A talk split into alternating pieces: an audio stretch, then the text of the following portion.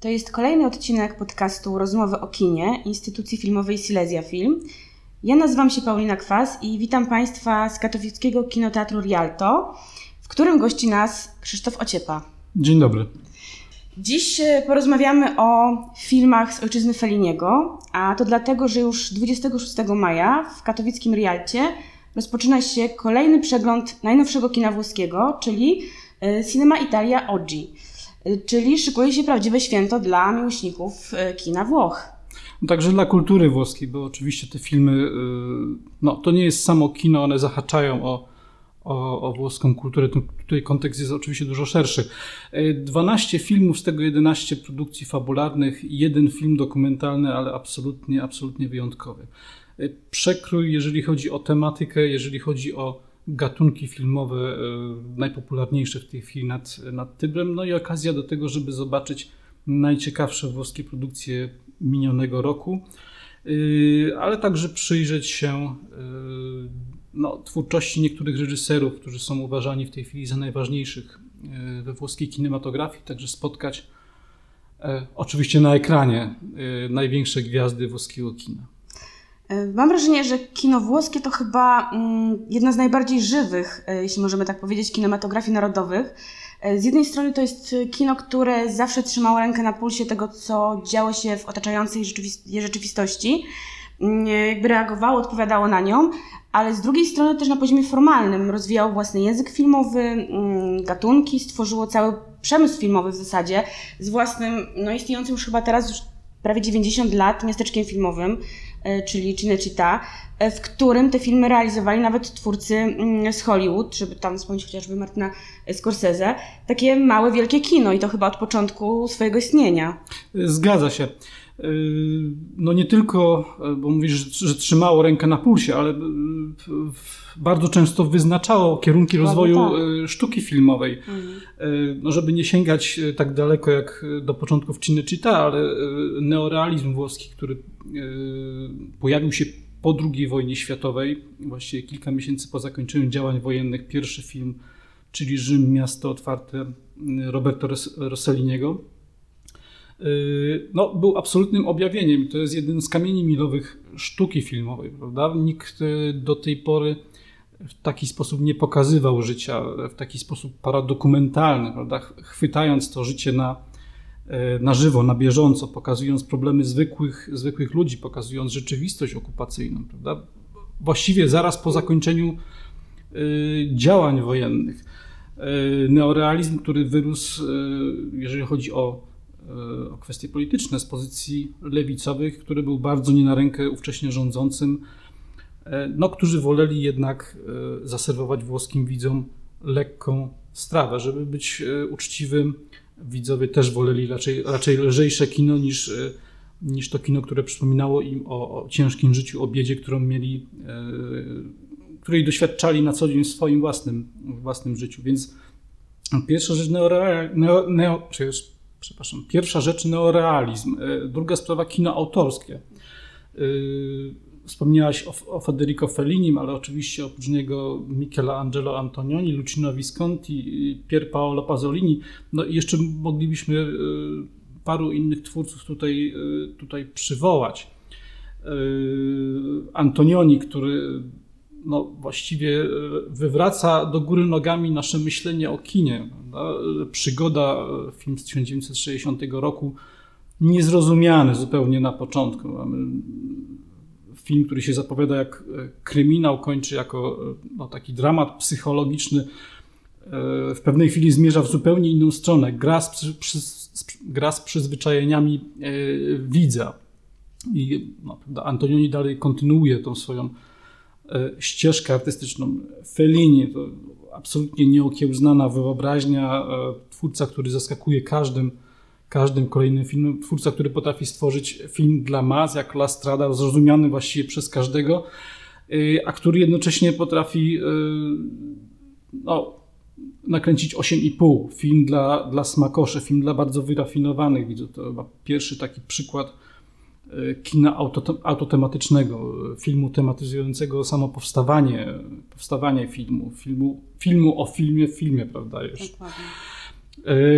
Lucino Visconti, który tworzy swoje takie, no mówiąc kolokwialnie, opery o umieraniu. Prawda? Filmy pełne, pełne przepychu, bardzo, bardzo wyrafinowane, ale filmy opowiadające o świecie, który, który odchodzi. Więc neorealizm, kino autorskie, no ale idźmy dalej. Mamy kino, e, kino gatunkowe i to jest kino e, specyficznie włoskie, czyli komedia, e, komedia włoska, komedia italiana, która pojawia się gdzieś u schyłku neorealizmu w latach 50., które jest trochę takim pomieszaniem tradycji ludowej komedii włoskiej z, no właśnie, z neorealizmem. Znaczy, prawdziwe problemy, ludzie są biedni, nie mają, e, nie mają z czego żyć, natomiast rozwiązania już są jak najbardziej bajkowe, no bo wystarczy znaleźć miłość e, swojego życia, żeby wszystko, e, wszystko automatycznie się poukładało. Przy czym oczywiście to były filmy bardzo dobrze zrealizowane, sprawnie, także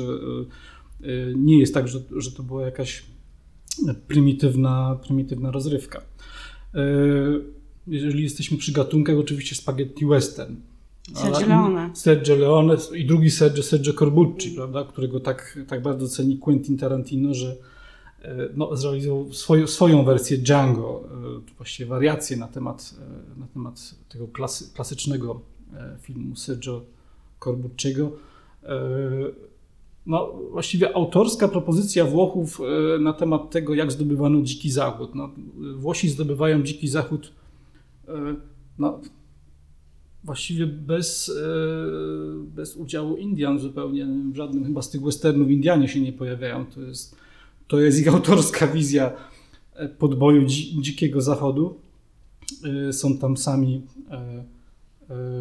biali mężczyźni, sami gringos desperados, bardzo okrutni, cyniczni, więc do góry nogami zostaje wywrócona konwencja tradycyjnego westernu, gdzie jeżeli pojawiał się John Wayne na ekranie, to wiadomo, że on jest tym dobry i, i koniec. On, tutaj nie ma cienia wątpliwości. Natomiast postacie grane przez Clint'a i Studa e, no, są cyniczne, są, są brutalne, miejscami sadystyczne. To jest e, zupełnie inna, inna propozycja prawda, dla, dla kina gatunkowego. No i tak moglibyśmy jeszcze, e, jeszcze o paru innych sprawach porozmawiać, chociażby o horrorach włoskich. Rzeczywiście kino włoskie albo wyznacza kierunek y, rozwoju kinematografii światowej, albo, y, albo tworzy w tym, co już jest, prawda, zastane y, dzieła ważne, dzieła, dzieła wybitne, które przechodzą do historii kina. Wspomniałeś o Clint'ie Eastwoodzie, który grał w spaghetti westernach. Wielka postać, ale no nie możemy też przy tej okazji nie wspomnieć o wielkich postaciach aktorskich, osobowościach też kina włoskiego które z tego kina wyszły, zaistniały też na arenie kinematografii mm, światowej. Mm, no, chociażby Mastroianni, ale mamy też całą plejadę wielkich włoskich aktorów. No to lećmy dalej. Sofia Loren chociażby, no prawda? Tak. E, jego, wielokrotnie partnerująca mu e, na ekranie. Już co ciekawe, nigdy nie zagrała u Feliniego. To jest, e, to jest taka jedna, jedna z zagadek kina włoskiego, jak również to, że nigdy Ennio Morricone nie stworzył żadnej muzyki do filmów Felliniego. Prawda? Zawsze tym, tym, kompozytorem był Nino Rota. Ale wracając do aktorów, oczywiście, tak, y, Sofia Loren y, z nieco wcześniejszego okresu Gina Lolo Brigida, y, czyli to jest ten okres różowego neorealizmu, chleb, miłość i fantazja, chleb, miłość i zazdrość. Oczywiście Monika Vitti, gwiazda filmów Michelangelo Antonioniego, ale taka, e, no powiedziałbym, e, gwiazda antygwiazda, znaczy nie wpisująca się w ten e, w tą konwencję gwiazd kina włoskiego. Mhm. Zarówno jeżeli chodzi o charakter granych postaci, mocno neurotyczne, to jest jedna sprawa, jak i wygląd. No tak, Monika Vitti była bardziej taka nowofalowa, można by tak. powiedzieć. Tak, do, do, tego powiedziałem antygwiazda trochę tak. w, tym, w tym znaczeniu. Idźmy dalej w takim razie i idźmy do współczesności. Mm, kino włoskie dzisiaj, czy to jest bardziej właśnie kino gwiazd, kino aktorskiej osobowości, czy jednak mamy nadal e, osobowości reżyserskie, takie, mm, no nie wiem, czy na miarę Felliniego czy Antonioniego, wyznaczających te nowe mm, ścieżki w kinie autorskim, no ale na pewno twórców interesujących. Kogo teraz warto oglądać y, i kogo też zobaczymy na um, przeglądzie y, Cinema Italia OG w Kinoteatrze Rialto? Znaczy, nad tym się oczywiście można zastanawiać, czy mamy dzisiaj e, takie osobowości jak Fellini, Antonioni, czy, czy Visconti, czy Pasolini. I tutaj obawiam się, że odpowiedź może być negatywna. Po prostu wydaje się, że nie ma takich indywidualności, a świadczyć by o tym mógłby chociaż przypadek Paolo Sorrentino, który jest trochę uważany za takiego kopistę filmów Felliniego, tak. prawda? Tak, tak na zasadzie takiego, takiego prostego porównania, że wielkie piękno to E, trochę bardziej uspółcześniona wersja słodkiego życia, że młodość nawiązuje wprost do 8,5, a to była ręka Boga do, do Amakorda, prawda? I tutaj też widzowie może nie, ale krytycy filmowi mają pewien kłopot z Sorrentino, czy, czy on jest no właśnie, zręcznym kopistą tylko i wyłącznie, czy jest tam, czy jest tam coś, coś więcej, bo zręcznym kopistą na pewno, na pewno jest i warto jego filmy E, filmy oglądać. Ale akurat jego filmów nie będziemy pokazywali. E, z takich osobowości, które w ostatnich latach się e, pojawiły, na pewno na uwagę zasługuje twórczość Paolo Genovese. Jego ostatni film, Pierwszy dzień mojego życia, będziemy pokazywać. Ten reżyser zaistniał w świadomości widzów dzięki filmowi Dobrze się kłamie w miłym towarzystwie. Historia trzech małżeństw, które spędzają razem E, razem bardzo miły e, wieczór wspólnie biesiadując, którzy wpadają na pomysł pewnej gry towarzyskiej, która wywraca do góry nogami ich, e, ich całe życie. No, generalnie Genovese jest twórcą, który trochę tworzy takie filmy na zasadzie no, zagadki, jakiejś, jakiejś takiej układanki, wciąga widza w pewną, w pewną intrygującą grę, no i tak będzie tym również tym razem. Znaczy, pokazuje czwórkę bohaterów, którzy e, no, wiodą życie dalekie od ideału, e, od ideału, który sobie wymarzyli i którzy dostają szansę, żeby coś z tym życiem zrobić, taką szansę, szansę od losu. Tutaj wchodzi trochę takiej taki metafiz metafizyki w to, w to wszystko. Więc najnowszy film Paolo Genovese na pewno warto, warto obejrzeć.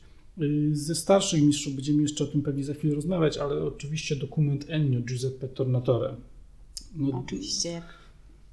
Yy, ale także yy, już dla wielbicieli yy, kryminałów twórca, który też ostatnio został uznany za, za mistrza gatunku, czyli Donato Carisi. On jest również autorem kryminałów książkowych, które potem przenosi, przenosi na ekran, więc autorska wizja w 100%. Y, natomiast jeżeli oferta dla widzów, którzy no chociażby są fanami horrorów, kryminałów Daria Argento, bo to mam wrażenie trochę... Aż tak.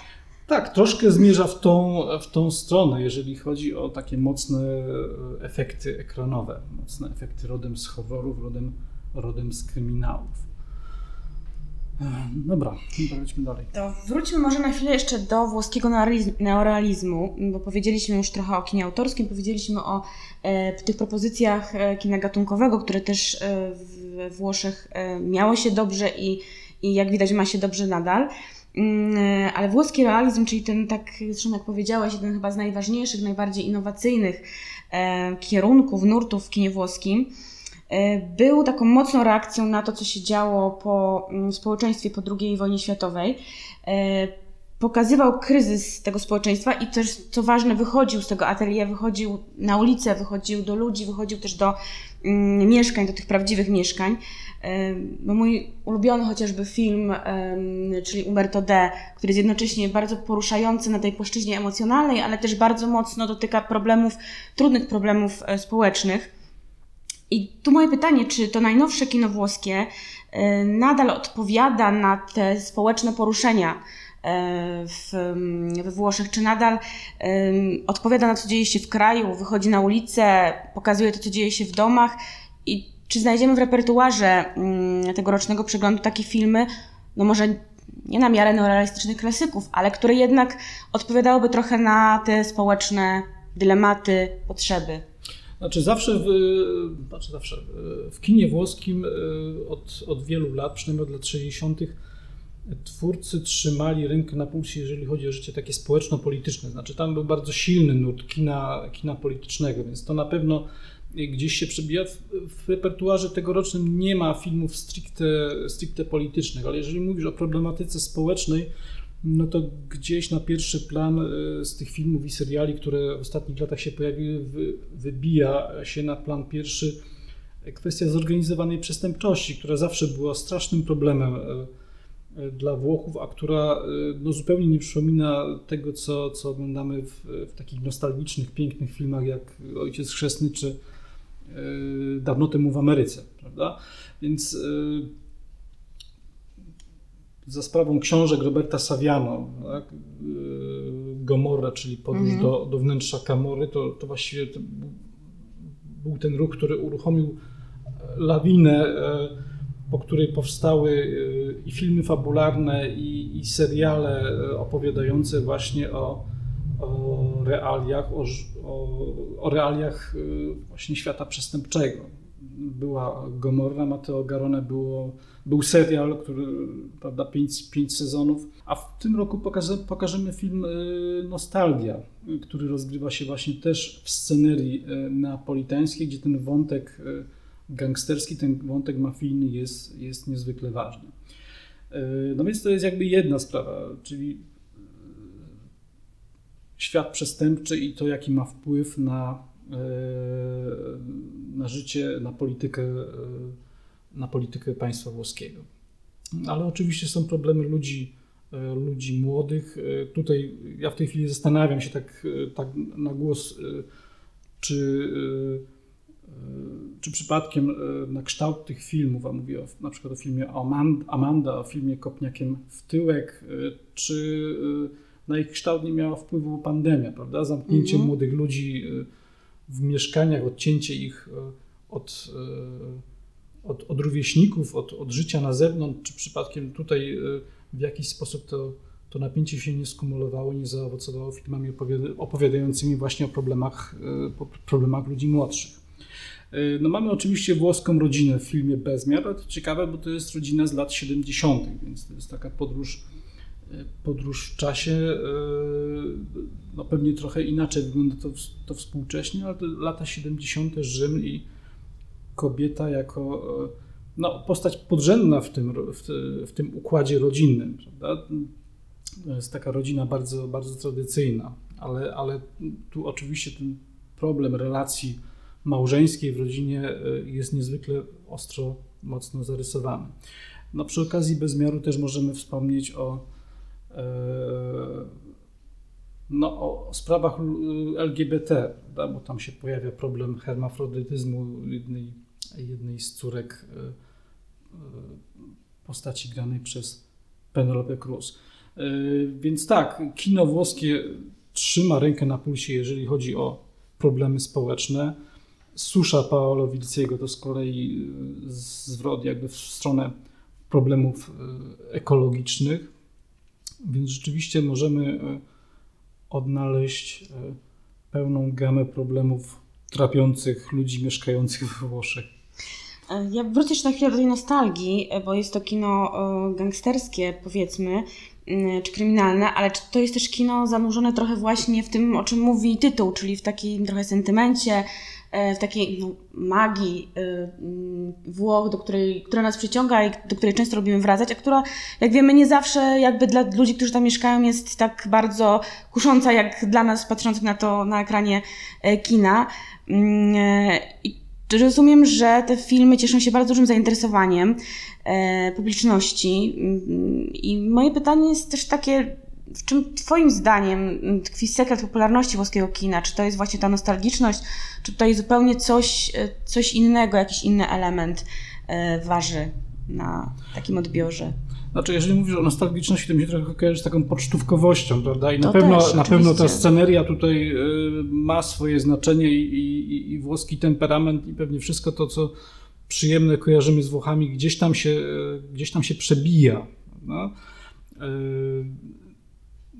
Pewnie, pewnie w filmach, które analizują problemy życia, życia włoskiego, to jest mniej widoczne, bo to nie jest temat tego filmu. No, myślę, że tak gdzieś do, do, do 60 roku do, do filmu e, Rzymskie wakacje. objawiła się kinu Audrey Hepburn i to było odkrycie, ale odkryciem również było to, że Rzym może być tak piękną sceną historii romantycznej. Więc tak, ta pocztówkowość na pewno ma jakieś, ma jakieś znaczenie. Natomiast myślę, że wyjątkowe jest też to, że pomimo zalewu jednak hollywoodzkich produkcji, które są dosyć mocno schomogenizowane i właściwie jedna, jedna w drugą takie, takie same, to jednak kino włoskie zachowuje swoją wyjątkowość. No już chociażby, wiesz, dla mnie wyjątkową sprawą jest to, że największą chyba gwiazdą obecnie tego kina jest y, Tony Servillo, który, no cóż, y, no nie jest piękny jak Marcello Mastroianni, jest, aktorem jest wielkim, natomiast wydaje się, że nie jest materiałem na gwiazdę, prawda? Raz, że nie wypominając mu wieku, już ma 64 lata, a to jest aktor, na którego na którego się chodzi, na którego się, y, którego się lubi, który, na którego się lubi patrzeć, którego się lubi słuchać. Nie tylko dlatego, że jest fanem, że jest neapolitańczykiem i fanem e, Gustawa Herlinga Grudzińskiego. E, ja przypomniałam sobie mm, takiej sytuacji związanej z, też trochę z kinem, e, ale trochę właśnie z kulturą włoską. E, i z tym, jak odbieramy tą, tą kulturę i też jak ona jest trochę dla nas e, przez samych Włochów kształtowana i pokazywana. Kilka lat temu w Muzeum Enzo Ferrariego w Modenie podczas pobytu tam miałam styczność z filmem, który jest krótkim filmem promocyjnym przedstawiającym historię założyciela tej wspaniałej marki samochodów. I ten bardzo krótki film, który jest takim dokumentem mm, zupełnie, no można powiedzieć, informacyjnym, jest zrobiony w tak fantastyczny sposób, e, z takim ładunkiem emocjonalnym, ładunkiem nostalgii, ale też e, pięknie zrealizowanym, oczywiście z wspaniałą muzyką, e, że już samo oglądanie tych kilku minut no, budzi jakieś takie zupełnie wspaniałe emocje, które są związane i trochę z obcowaniem z pięknem samym w sobie, mm, ale też właśnie z czymś, co nazwałabym trochę taką właśnie mm, nostalgią, e, tęsknotą za no, wszystkim chyba tym, co gdzieś tam e, my utożsamiamy e, z Włochami, czyli wolnością, jakąś energicznością, nie wiem, słońcem, czymś, czego nam brakuje być może. Pięknem może po prostu. Pięknem, tak, wielkim pięknem. tak, o wielkim pięknie. E, że przywołamy e, tytuł filmu Paolo Sorrentino. E, no ale tak, bo Prawda? Czy, czy inny tytuł filmu Biedni, ale piękni. No, może, może byli Włosi biedni, ale zawsze, zawsze były tam piękne kobiety i piękni mężczyźni. E, tak, możemy tak oczywiście stereotypowo jakoś oczywiście, kojarzyć, tak. ale, ale e, za tym wszystkim są wieki włoskiej sztuki, malarstwa, rzeźby, prawda, można, można wyliczać e, mistrzów tutaj, więc ta wrażliwość na, e, na piękno, na, e, na obraz, na, na muzykę, to wszystko jest widoczne w tych filmach, no, mimo że nie są to relacje z galerii sztuki. Ale, ale to tak, to jest, to jest, powiedziałbym, cecha charakterystyczna tego kina. Ja myślę, że takim filmem, który w taki absolutnie wspaniały i poruszający sposób zbiera to wszystko, o czym rozmawiamy, e, i historię kina, nie tylko włoskiego, mm, ale też opowieści o przemianach we włoskim społeczeństwie i też to, co, o czym trudnym tutaj rozmawialiśmy, czego bardzo często dotykał, dotykało kino neorealistyczne, ale też o wyjątkowości włoskiej kultury i stylu życia, który mm, nas tak pociąga. E, to wszystko jest w dokumencie e, Enio, który już mm, gościł na ekranach, ale cieszył się, wydaje mi się, ogromną popularnością, e, który jest też naprawdę godny polecenia i myślę, że jeżeli ktoś chce takie mm, filmowe Włochy w pigułce i historię o kinie, historię mm, tego włoskiego piękna i też historię tego, jak Włochy i kino włoskie gdzieś też przeplatało się z kinem światowym, bo to jest też o tym opowieść, to jak najbardziej Enio jest tą propozycją obowiązkową tutaj. E, tak, e, film trwa e, dwie i pół godziny, ale to dlatego, że jest w nim bardzo dużo muzyki i ta muzyka rzeczywiście wybrzmiewa, także wszystkie najważniejsze melodię Ennio Morricone w tym filmie można, można usłyszeć. Ale absolutnie nie odczuwa się znużenia tym filmem. Nie. To znaczy, ja powiem tak, on jest, jego się bardzo przyjemnie ogląda, ale powiem tak, jeżeli ktoś chciałby mieć jakieś krytyczne bardzo spojrzenie na, na twórczość Ennio Morricone, to nie, to nie tędy droga. Oczywiście, że Bo nie. ten film dlatego... jest ewidentnie hołdem złożonym Tak. tak. Ennio Morricone, e, złożonym przez Giuseppe Tornatore. Czyli mistrza filmowej włoskiej nostalgii. Tak jest. Ale też sporo Tornatore zawdzięczam Ennio Morricone, bo trudno sobie dzisiaj wyobrazić zakończenie kina Paradiso, prawda? Kiedy bohater Toto siedzi w sali kinowej i ogląda yy, no, zmontowany materiał z ocenzurowanych kiedyś przez miejscowego księdza e, filmów, prawda? Tam są pocałunki e, zmontowane. No i w tym momencie wchodzi melodia e, Ennio Morricone. No jak, jak inaczej by się oglądało ten film bez, bez tej muzyki? Ale też pytanie, jak, jak wyglądałby Clint Eastwood wjeżdżający do miasta przy innej melodii? Ciężko dzisiaj sobie wyobrazić. E, jest to kawał historii e, kina światowego. Głównie, głównie filmy europejskie, ale oczywiście także sporo pozycji hollywoodzkich. Zresztą jednego Oscara za, za film, bo otrzymał w końcu dwa Oscary Morricone, jeden za całokształt, a jedynego Oscara za film to była nienawistna ósemka Quentina Tarantino, który jest e, wielkim wielbicielem twórczości Ennio Morricone. Więc Y, warto przyjść i warto posłuchać tej muzyki, ale przede wszystkim warto poznać bohatera, który, który stoi za tą, no, za tą fantastyczną muzyką. Zapraszamy do Kinoteatru Rialto na film Ennio i nie tylko, na pozostałe filmy prezentowane w Cinema Italia Oggi również. Bardzo Ci dziękuję za rozmowę. Dziękuję, do zobaczenia w kinie.